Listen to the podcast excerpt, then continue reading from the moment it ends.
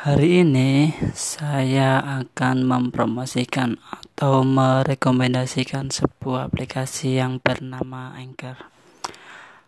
Aplikasi Anchor ini mempunyai fitur podcast yang sangat menarik sekali, sangat istimewa, sangat bagus sekali.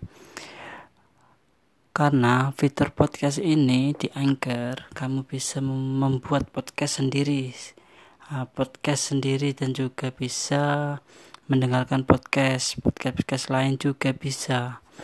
Nah bagi teman-teman bisa mendownload aplikasi Anchor ini ya karena teman-teman bisa mengembangkan atau memotivasi sendiri kreativitas podcast uh, teman-teman sendiri itu.